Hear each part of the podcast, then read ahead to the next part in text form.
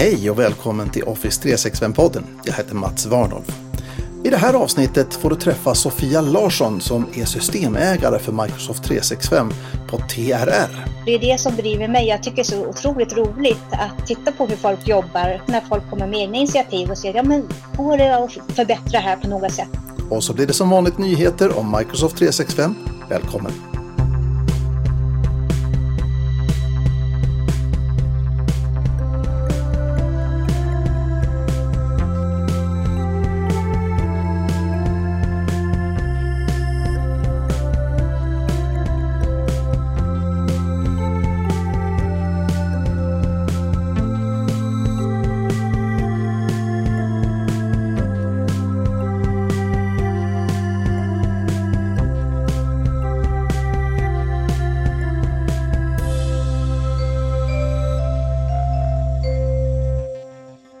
Ju hållit på ganska länge egentligen då med SharePoint och med IT generellt sett. Eh, hur, hur kom det sig att du, du ramlade in på just SharePoint som, som grej? Ja, det var när jag jobbade på Arbetsgivarverket och då jobbade jag tillsammans med Christian Ståhl som är en av gurun eh, inom SharePoint också.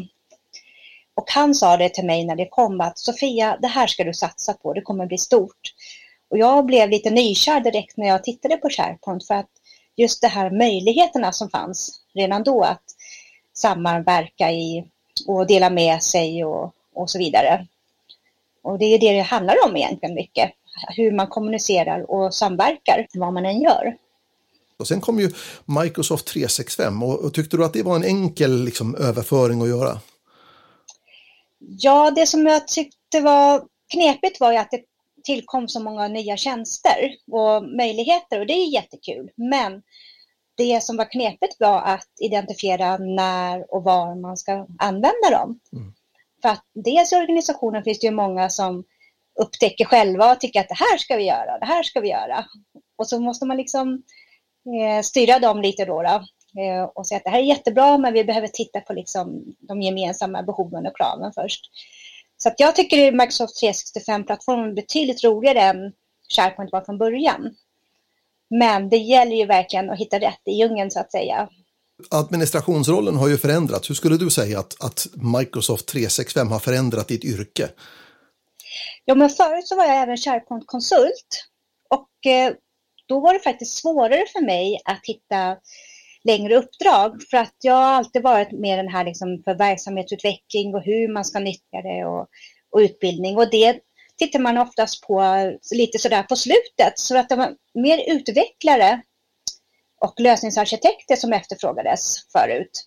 Men nu är det mer att man frågar efter förändringsledare eller produktägare och att man uppskattar att man har den här verksamhetsnära tankarna också så att säga. Så det, det är väl det som är skillnaden för mig att nu finns det liksom både inom konsultbolag och på företagen finns det roller, konkreta roller inom det här. Alltså det, det, är ju lite speciellt därför att IT drivs ju numera väldigt mycket av verksamheten. Det är liksom inte en egen verksamhet bubbla i sig på något vis så att säga, utan förut var det kanske ledningen som ställde krav eh, och så. Och idag så kommer det kanske mer från de lokala avdelningarna, affärsenheterna, teamen så att säga som har önskemål runt hur någonting ska hända och sånt där. Eh, hur tycker du att det har påverkat eh, liksom IT-avdelningens roll på, på eh, företagen? Det är ganska stor skillnad faktiskt. För förut som sagt var det mer att det drevs från IT, men nu handlar det verkligen om att man behöver hitta ett sätt att eh, samarbeta mer tvärfunktionellt. Och då gäller det ju att tänka till från början vilka ska vara med eh, och inte glömma några. För att det är jättelätt man springer iväg annars så kanske man har glömt viktiga delar inom verksamheten beroende på vad man har för målgrupper. Det är ganska stor skillnad faktiskt. Och sen framför allt hur man ska jobba framåt. Det finns ju en slags inbyggd konflikt kan man säga för den som håller på med it-verktyg överhuvudtaget. Då. Det finns verksamhetens behov och sen finns det individens behov. Och de här går ju lite grann ibland i konflikt där eh, verksamheten har behov av egentligen att få en arbetsuppgift utförd och så, så rekommenderar de ett verktyg men individen föredrar kanske ett annat verktyg eller föredrar att göra det här på ett annat sätt eller vad det nu handlar om. Det här är ju, leder ju då till processförändringar av saker och ting. Eh, vad, vad, tycker du mest driver processförändringarna numera? Är det tillkomsten av nya verktyg eller är det tillkomsten av nya behov? Eller vad är det liksom som, som driver processförändringarna idag? Det är ju snarare nya behov som uppkommer hela tiden och sen framförallt att vi vill jobba mer digitalt. Och att man eh, vet att det finns möjligheter man vill vidareutveckla. Men sen så handlar det också mycket om att det finns så mycket att välja på så det är många som startar egna initiativ. Och där tror jag att det är jätteviktigt att man verkligen pratar ihop sig om vad är behoven? Vad, hur ska vi gå vidare härifrån? För det är så många som går direkt på lösningar och säger att jag har sett att det här kommer nu. I Microsoft Viva till exempel kan vi använda det istället för att man säger att ja, men vi har behov av att kunna nå ut till våra kollegor med videos till exempel. Hur ska vi göra det? Alltså ibland är det väl så att eh, man fattar inte att man har ett behov av någonting förrän man ser ett verktyg som eh, gör något och sen så så ja just det, det skulle man kunna göra och här är ju verktyget som man gör det med. Och sen mm. så uppstår behovet i samma ögonblick som man lär sig att det finns verktyg för det. Absolut, och det är det som driver mig. Jag tycker det är så otroligt roligt att eh, ja, titta på hur folk jobbar och dels när folk kommer med egna initiativ och säger, ja men går det att förbättra här på något sätt och jag har sett det här, kan vi vidareutveckla det? Eller att jag kommer med ett förslag när man ser att någonting kanske utförs på ett omständigt sätt idag. Och det är ju det som är otroligt roligt att se hur man kan eh, underlätta folks vardag. Då behöver man ju bygga då någon slags IT-team som ska eh, stötta verksamheten med, med, både kompetens och kanske entusiasm och, och, kanske med liksom eh, utbildningar och så vidare. Då. Vilka roller är det vi ser egentligen på företagen idag? Ja, det har ju som sagt ändrats och numera så heter det bland annat produktägare. Det tror jag motsvarar egentligen systemägare eller systemansvarig, som man sa förut. Och de här rollerna kan ju egentligen vara två olika roller men också samma roll. Och det betyder egentligen produktägare är mer att man är vad ansvarig för produkten i sig och mer verksamhetsnära tjänst. Så att, ja, men vad ska vi använda den till? Men systemägare är ju mer eh, hur vi ska vidareutveckla systemet. Mm. Och ja, mer, mer IT-nära tjänst kanske. Mm. Alltså, tänker du mer förvaltning då eller vad tänker du? Ja, precis. Och sen även lösningsarkitekt. Eh, och förändringsledare är framförallt en ny roll som man eh, använder sig av lite mer. Förändringsledare kan jag förstå, men, men det finns eh, många definitioner av det här begreppet lösningsarkitekt. Vad ser ja. du framför dig när du tänker lösningsarkitekt? Vad är det för en människa? Jag ser egentligen framför mig mer en person som ska kartlägga vad man ska använda för olika system och sen hur man ska integrera de här med varandra för att kunna bemöta behoven. Översätta verksamhetens behov till någon slags... Ja, precis. För ofta så har man ju kanske en uppsjö av olika system och så har man gjort speciallösningar, för så var det ju tidigare. Men nu finns det ju så mycket i standard mm. så att säga så att man behöver inte vidareutveckla från början. Så det är väl det som jag ser som främsta uppgiften för en lösningsarkitekt vad har man för verktyg egentligen för att förstå behoven ifrån verksamheten? Och då tänker jag egentligen både på individnivå och eh, liksom kanske ur ett eh, organisationellt nivå. Vad finns det för, för metoder man kan använda för att förstå vad behoven egentligen är? Ja, men där finns det olika varianter. Dels tycker jag det är väldigt viktigt att man har olika forum där man samtalar direkt. Exempelvis referensgrupper då, där man utser folk från olika delar i verksamheten där man fångar upp behoven. Eh, sen kan man jobba på olika sätt. Man kan jobba agilt så att säga. Att man eh, först kanske fångar upp dem liksom och, och bestämmer lite mer övergripande vad man ska satsa på. Man väljer ut kanske tio stycken områden där det skaver mest. Men sen att man bryter ner det och, och tar ja, några i taget så att säga. Agilt, det är också sån här ja. fikonspråk för IT-branschen. Vad innebär det att arbeta agilt egentligen? Jo, men det är framför allt att man eh, eh, är lite mer här och nu. För att det förändras ju hela tiden allt eftersom man jobbar. Och då måste man också i takt med det anpassa arbetssättet att man hela tiden fångar upp aktuella behov och krav och skruvar och vänder lite på hur man ska komma vidare. Både när det gäller hur man ska utföra men också hur man ska lösa det och hur man ska kommunicera det framför allt. Alltså du nämner ju då att, att saker och ting är, är lite ständig förändring. Att det liksom, dels både behoven men också verktygen är ju liksom i ständig förändring. Och väldigt många eh, organisationer de, eh, de jobbar ju med någonting som de kallar för en roadmap. Vad menar man med en roadmap? Vad är en roadmap egentligen? Ja, det brukar ju vara att man eh, sätter upp eh, en plan för vad, dels utifrån affärsnyttan men också utifrån verksamhetsnyttan. Vad är det vi vill åstadkomma? Och hur ska vi komma dit? Och sen då, vilka verktyg och vilka personer ska vara involverade, resurser. Mm. Men sen så ska man ju bryta ner den här roadmappen också. Och det kan man göra på olika sätt. Och då, exempelvis så brukar man ju använda sig av verksamhetsplanering. Att man först sätter sig ner och tittar på, ja men det här vi, har vi identifierat är viktigast nästa år. Och sen att man bryter ner det kvartalsmässigt, månadsvis, veckovis. Det är ju en sak, verksamhetens behov. Eh, men om man nu har då en tjänst som är så här ständig förändring, kan man egentligen ha en roadmap? Jag menar, vi pratar, Microsoft säger ju själva så här att Microsoft 365 den är evergreen, den är alltid uppdaterad, det kommer alltid en massa nya funktioner, det är Viva Engage, det är Viva Goals, det är liksom nya features i SharePoint och det är nya features i Outlook och så vidare. Då kan man egentligen ha en teknisk roadmap runt Microsoft 365?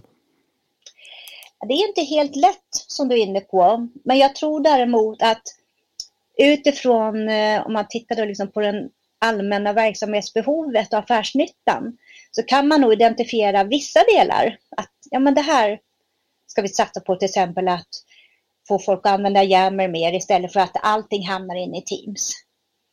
Eller att man eh, ska börja spela in videos via stream eller vad det nu kan vara, eller att man ska flytta från en filserver.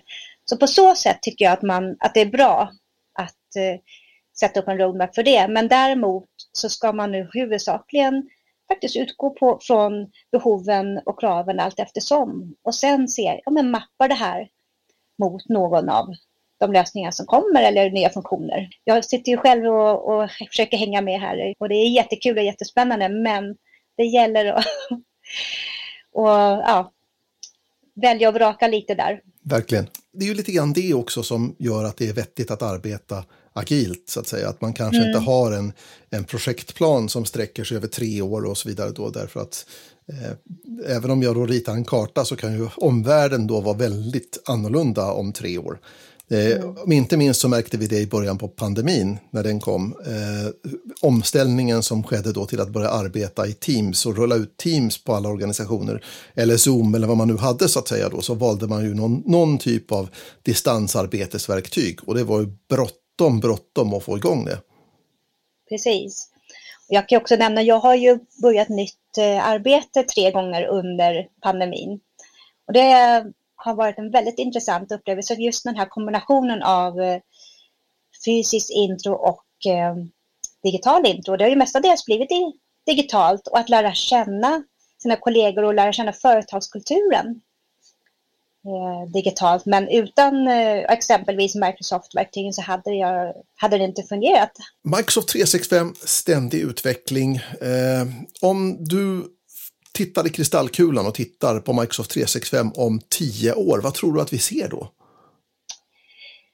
Ja, men jag tror man, jag hoppas på att man eh, lyfter fram mer eh, från verkligheten så att säga. För i dagsläget är det ju mer att när det kommer nyheter att man säger att ja, men nu kan du till exempel förstärka ljuset in i Teams för att du ska synas bättre och så. Men jag hoppas på att man ska lyfta fram lite mer eh, såna best practice eh, tips från eh, ah, folks vardag. Ah, att det blir lite enklare helt enkelt att ja. använda. Eh, och då behöver vi komma till slutet på den här intervjun och då tänkte jag säga, vad händer härnäst för Sofia Larsson? Ja, nu har jag precis börjat en ny roll på Trygghetsrådet som systemansvarig där. Och eh, då ska vi fortsätta titta på just hur, för här har vi implementerat Microsoft 365 och, och nytt intranät och allting. Nu ska vi titta på hur kan vi komma vidare härifrån? Och hur kan vi använda tjänsterna på bästa sätt och vad har folk för behov? Och sen eh, fortsätta nätverka, för det tycker jag är väldigt viktigt det här, att man nätverkar inom branschen och frågar liksom, hej, jag har det här, vi har de här utmaningarna. Hur har ni löst det? Mm. Och att man vågar prata också om det som inte fungerar bra, för det är så lätt att man bara lyfter fram de positiva exemplen. Ja, ja mm. men ofta sitter ju alla med, de flesta med liknande utmaningar och, och behov som man inte sitter och, och gör allting liksom om och om igen. Sen måste jag också faktiskt nämna, jag ska även gå en förändringsledningskurs Aha. här i veckan. Och jag har jobbat ganska mycket med förändringsledning, men jag tycker att det är jättebra att hela tiden förstärka de eh, kunskaperna, för det är mycket det det handlar om. Att det är en sak att bestämma vad vi ska göra, men hur får vi med oss folk på resan helt enkelt. Vad brukar du rekommendera att man använder för att kontrollera hur väl de här verktygen faktiskt tas i bruk? Mm. Men dels kan man ju gå in om man är administratör till Admin Center och se hur mycket folk dels använder de men också under dagen hur de förflyttar sig mellan de olika kanalerna. Om man till exempel eh, benämner kanaler då som Teams och, och Yammer och OneDrive och så vidare.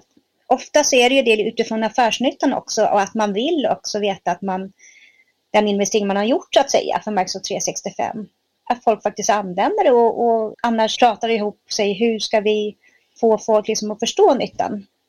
Hur, hur kan vi närma oss dem på ett bättre sätt? För att man ska kunna få det, alltså det är ju en sak att man kan mäta vad folk faktiskt gör och så vidare. Och det är ju viktigt då att man har den här reflektionen sen och fundera på, här har vi ett verktyg som vi har sagt att folk ska använda, men så gör de inte det. Eller vi ser att det är ganska låg användning av verktyget. Då finns det ju flera frågor man måste ställa sig. Nummer ett är naturligtvis vad är problemet? Och den andra frågan, uppenbara frågan som man måste ställa är vad används istället? Mm. Därför att behovet finns kanske fortfarande där, eller hur? Mm, precis. Ja, men något som jag exempelvis har jobbat ganska mycket med det är att man tittar lite på eh, och sätter upp en kanalstrategi. Och det är lite som du är inne på då, att vad är det folk använder och vad är det som vi vill att de ska använda. Så att till viss del måste man nog sätta lite ramar. Jag brukar kalla det för ramar och kramar.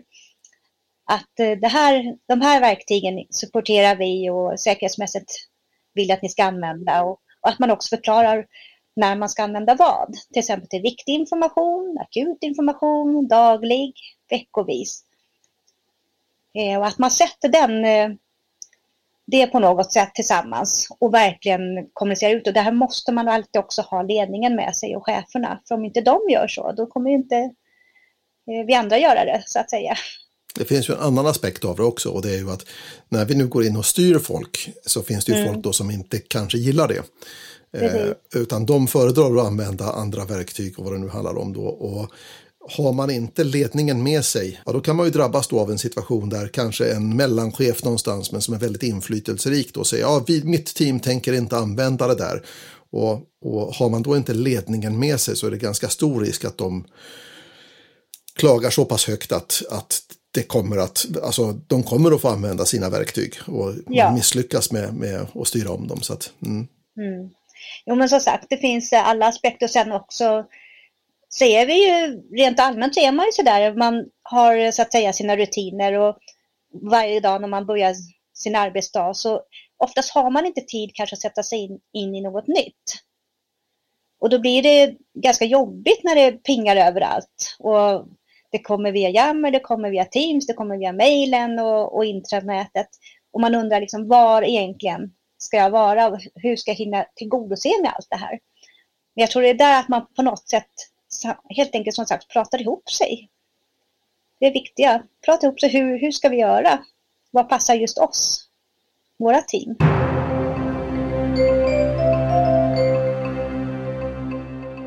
Dags för nyheter i Office 365-podden. Nu avbryter Microsoft utbyggnaden av datacentret i Staffanstorp i södra Sverige. Det var under 2019 som det avslöjades att Microsoft hade påbörjat arbetet med att bygga ett sydsvenskt datacenter i Staffanstorps kommun i Skåne. Det som först hade handlagt som ett bygglov för ett lager visade sig vara ett datacenter. Senare när man ansökte om tillstånd för miljöfarlig verksamhet för de nio dieselaggregat som skulle vara backup vid strömavbrott och liknande så engagerade sig den lokala naturskyddsföreningen i ärendet. Även vid stabil elförsörjning så måste ju dieselaggregat testköras regelbundet och närheten till boende skulle kunna innebära en allvarlig hälsorisk. Boende i närheten av datacentret reagerade och försökte få bygglovet upprivet. Och en del av de politiker som varit med och klubba igenom bygglovet medger att man visste för lite om vad det var som skulle byggas på orten. Microsoft uppger själva till SVT att hemlighetsmakeriet är ett tvång eftersom Microsoft är ett börsnoterat bolag och att byggen av den här storleken påverkar börskurserna.